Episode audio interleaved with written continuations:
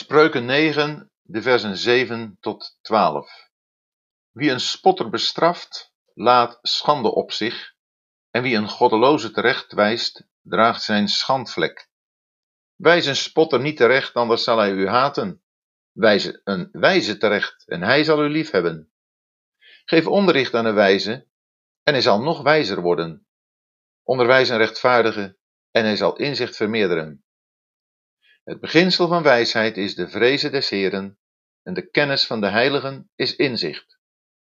Want door mij zullen uw dagen talrijk worden, en zullen jaren van leven u worden toegevoegd.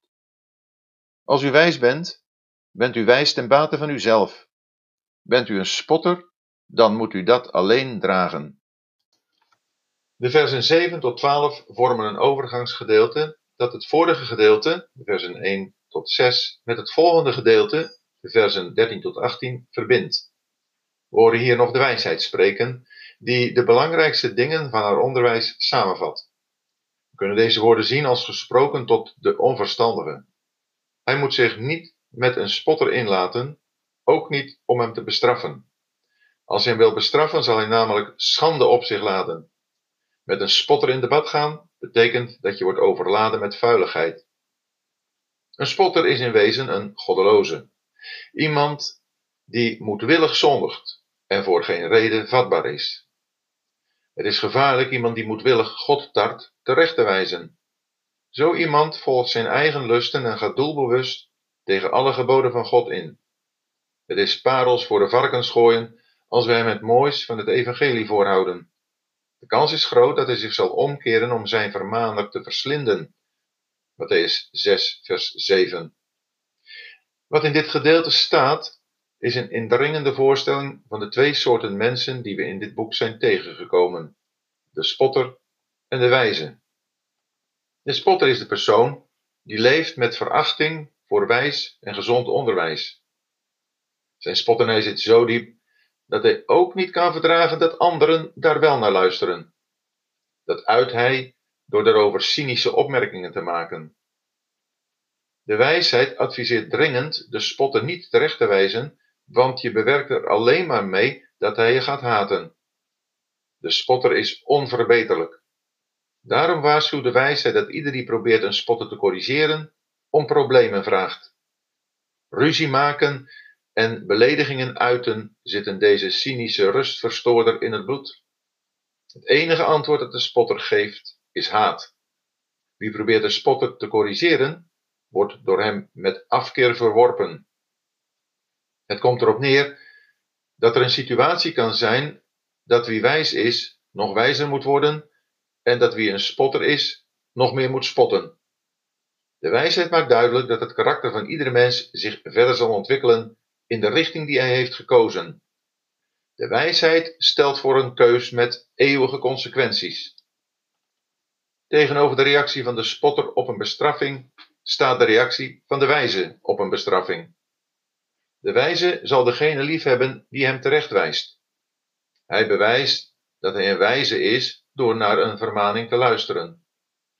En dat niet alleen, hij zal de vermaner liefhebben.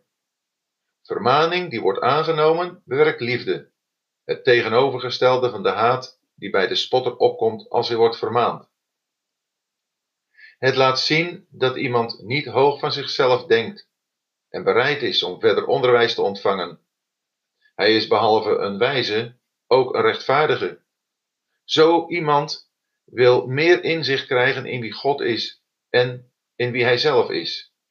Dat inzicht geeft het leven zijn ware rijkdom en betekenis. Het wordt dan met steeds meer voldoening geleefd, omdat steeds meer wordt beantwoord aan Gods bedoeling ermee. Ware wijsheid vindt haar oorsprong in de vrezen des Heren. Zonder vrees, in de zin van eerbied, voor God kan er geen sprake van wijsheid zijn. Niemand is wijs zolang hij God niet vreest. Vrezen betekent bang zijn voor zichzelf om God oneer aan te doen. Het is niet de vrees van een slaaf voor een meester, maar van iemand die God lief heeft. Het eerste bewijs van wijsheid, het begin daarvan, is God vrezen. Wie wijs is vanuit de vrezen des Heren, is niet bang voor hem maar wil juist dicht bij hem zijn om hem beter te leren kennen. Door de kennis van de heiligen, met wie God als de drie enige God wordt bedoeld en niet de Godvrezenden, krijgt de wijze inzicht in het leven, hoe het geleefd moet worden. Wie luistert naar de roepstem van de wijsheid en het begin daarvan, de vrees voor God, omarmt, krijgt daarvoor een prachtige beloning. Die beloning wordt als een extra argument aangevoerd om de uitnodiging van de wijsheid te aanvaarden. De wijsheid stelt talrijke dagen en toevoeging van jaren, ofwel het eeuwige leven, in het vooruitzicht. Het gaat hier, zoals steeds, over het leven van de ziel en niet over het lichamelijk leven. Maar wie de wil van God doet, wie dus naar de wijsheid luistert, blijft tot in eeuwigheid. In Johannes 2, vers 17. In vers 12 volgt de conclusie met een overeenkomst en een tegenstelling. Zowel wie wijs is als wie een spotter is, krijgt met de gevolgen te maken van wie hij is. Wie wijs is, zal daar zelf het voordeel van hebben, terwijl wie een spotter is, daarvan zelf de gevolgen moet dragen.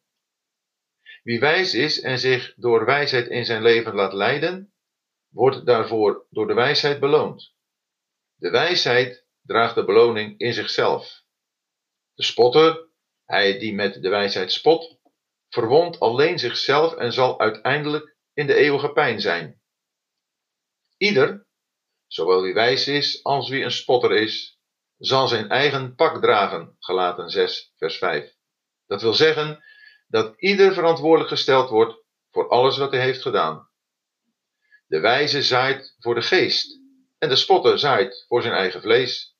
De resultaten zijn daarmee in overeenstemming. Gelaten 6, de versen 7 en 8. Wijsheid en spot geven God geen voordeel of nadeel. God vindt geen gemis in zichzelf. Hij is de alleen gelukkige God. Wijsheid en spot hebben vaak wel gevolgen voor anderen, maar ook dat is hier niet aan de orde. Het gaat om wat het uiteindelijke deel van de wijze en de spotter persoonlijk zal zijn, de resultaten van hun persoonlijke keus. Voor wie de overeenkomst en het verschil ziet, zal de juiste keus niet moeilijk zijn.